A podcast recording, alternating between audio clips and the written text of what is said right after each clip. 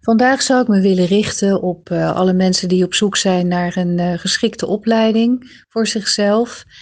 En uh, die graag bij, binnen Ananta willen komen kijken en luisteren om te onderzoeken van, is dit een opleiding die bij mij zou passen? Um, als je interesse hebt, is het uh, heel goed om te weten, zo een beetje vooraf, vandaar ook deze informatie, van wat zou ik kunnen verwachten bij Anante en hoe pakken zij nou uh, de hele zaak aan. Nou, allereerst vinden we het heel, heel van heel groot belang dat je een juiste keuze maakt. Dus mijn uh, eerste advies aan mensen is ook altijd van laat je goed informeren. Ga bij verschillende opleidingen kijken, uh, kijk naar open dagen, uh, ga met mensen in gesprek, stel je vragen, zodat je voor jezelf helder en duidelijk krijgt, dit is wat ik wil. Dit zijn mijn behoeftes, mijn verlangens en dit is wat ik zoek. Ik nodig mensen altijd uit voor een persoonlijk gesprek om juist precies dat af te stemmen. En het kan zomaar zijn dat in het gesprek duidelijk wordt dat Anante helemaal niet bij je past. En nou, meestal kennen we elkaar wel een beetje in opleidings uh, Nederland. Dus kan ik altijd een advies geven van goh, ga eens daar of daar kijken. Wellicht zou dat beter bij je passen. Dus wij, en dat vind ik echt belangrijk om te benoemen, wij hebben niet zo de behoefte om je zieltje te winnen omdat uh, het belangrijk is dat als je met mensen wil gaan werken, als je werkelijk geïnteresseerd bent om uh, dit vak te gaan uitoefenen, dat je voor jezelf helder krijgt wat je zelf wilt. Maar ook waar je zelf zit. En want je gaat jezelf tegenkomen. Als je met mensen wil werken, zul je eerst je eigen putje, zoals ik het noem, mogen opschonen. Um, daar ga ik het in het gesprek met je over hebben. Goh, waar zit je? Wie ben je? En het kan best zijn dat je al een heleboel opleidingen hebt gedaan, een heleboel diploma's hebt gehad. Maar in alle eerlijkheid vinden wij dat wat minder van belang dan wie jij als mens bent. Wat je droom is, wat je verlangens zijn, wat jij in de wereld zou willen neerzetten, waar jij goed in bent, waar je blij van wordt. En wat je bijdrage zou willen zijn, wat je missie is hier op aarde. Dat is ook waar Ananta over gaat. Het gaat erom dat jij wordt wie je bedoeld was te zijn. En dat betekent dat je hier binnen Ananta, terwijl je opgeleid wordt tot een beroep, en een heel fijn beroep, volgens mij het allerleukste beroep van de hele wereld, dat je je realiseert dat je met mensen gaat werken en dat je de ander daar kunt brengen waar je zelf bent geweest. Dat begint dus met een ontdekkingsreis naar jezelf. Het ontsluiten van jezelf. En daar kom je natuurlijk van alles in tegen. uh, het putje gaat open. Alle oude pijn en ellende die je in, in je leven hebt meegemaakt, trauma's noem het maar, die ga je tegenkomen. En dat is nou precies waar ik het met jullie over wil hebben. Want daar zijn er al zoveel therapeuten van in Nederland die alsmaar met mensen teruggaan naar de pijn. Het herhalen van de pijn, het bespreken van de pijn, het analyseren van de pijn. Maar datgene wat je aandacht geeft, dat groeit. Dat is een van de quotes hier binnen Ananta. Wat je aandacht geeft, groeit. Heeft te maken met universele wetten.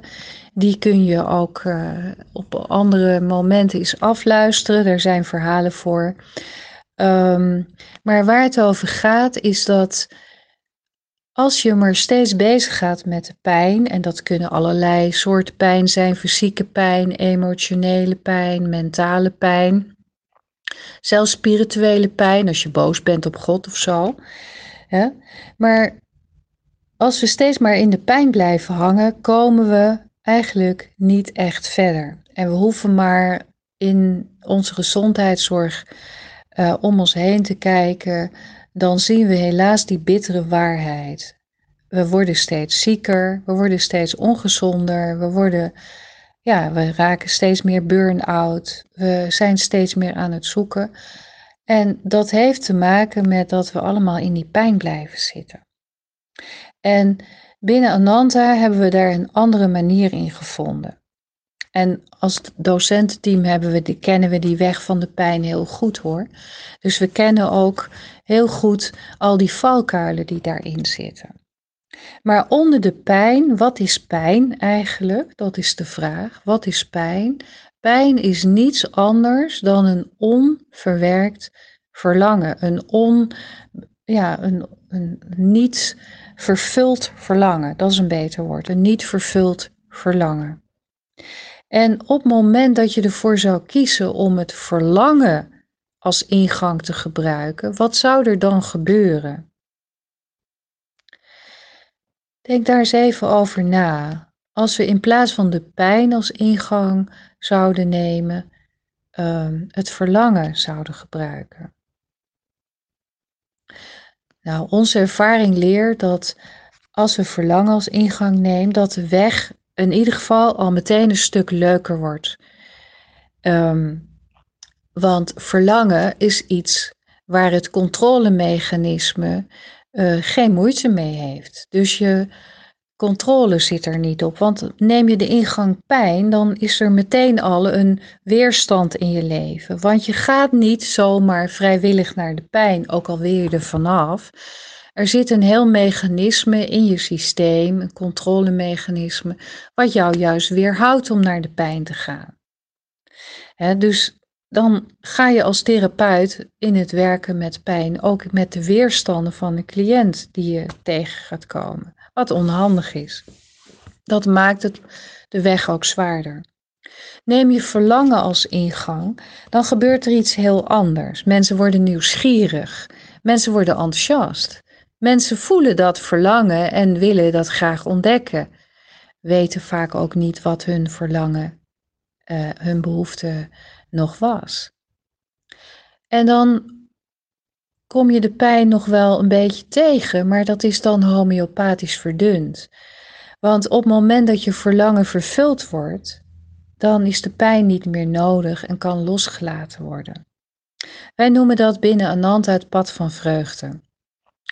En een van de belangrijkste vragen waar mensen mee binnenkomen als ze een gesprek met mij hebben, is van ja, wat is nou de studiebelasting? En van studiebelasting, van dat woord, gaan mijn hakken altijd een beetje in het zand staan.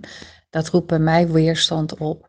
Want ik geloof er niet in dat als een studie belastend is, als het uh, zwaar is om dat naast je gewone leven te doen, dat dat gaat werken dan wordt het zwaar. Voor mij mag een, een opleiding um, inspirerend zijn. Het mag voedend zijn. Het mag een feest zijn. Het mag uh, een ontdekkingsreis zijn. Het mag creatief zijn. Er mag gelachen worden. En het wil niet zeggen dat we ook niet huilen af en toe. Hè, of dat die pijn toch nog af en toe voorbij komt. Maar het gaat erom dat je geïnspireerd wordt, dat je ook kunt leren in vreugde. En daarom is onze ingang verlangen. Nou, later meer hierover, want ik wil het verhaal ook niet te lang maken. Maar dit is even zo in het kort alvast een intro over wat als ik als student bij Ananta binnenkom, wat kan ik verwachten? Dit is een eerste stukje. Ik hoop dat je met plezier hebt geluisterd. Dankjewel.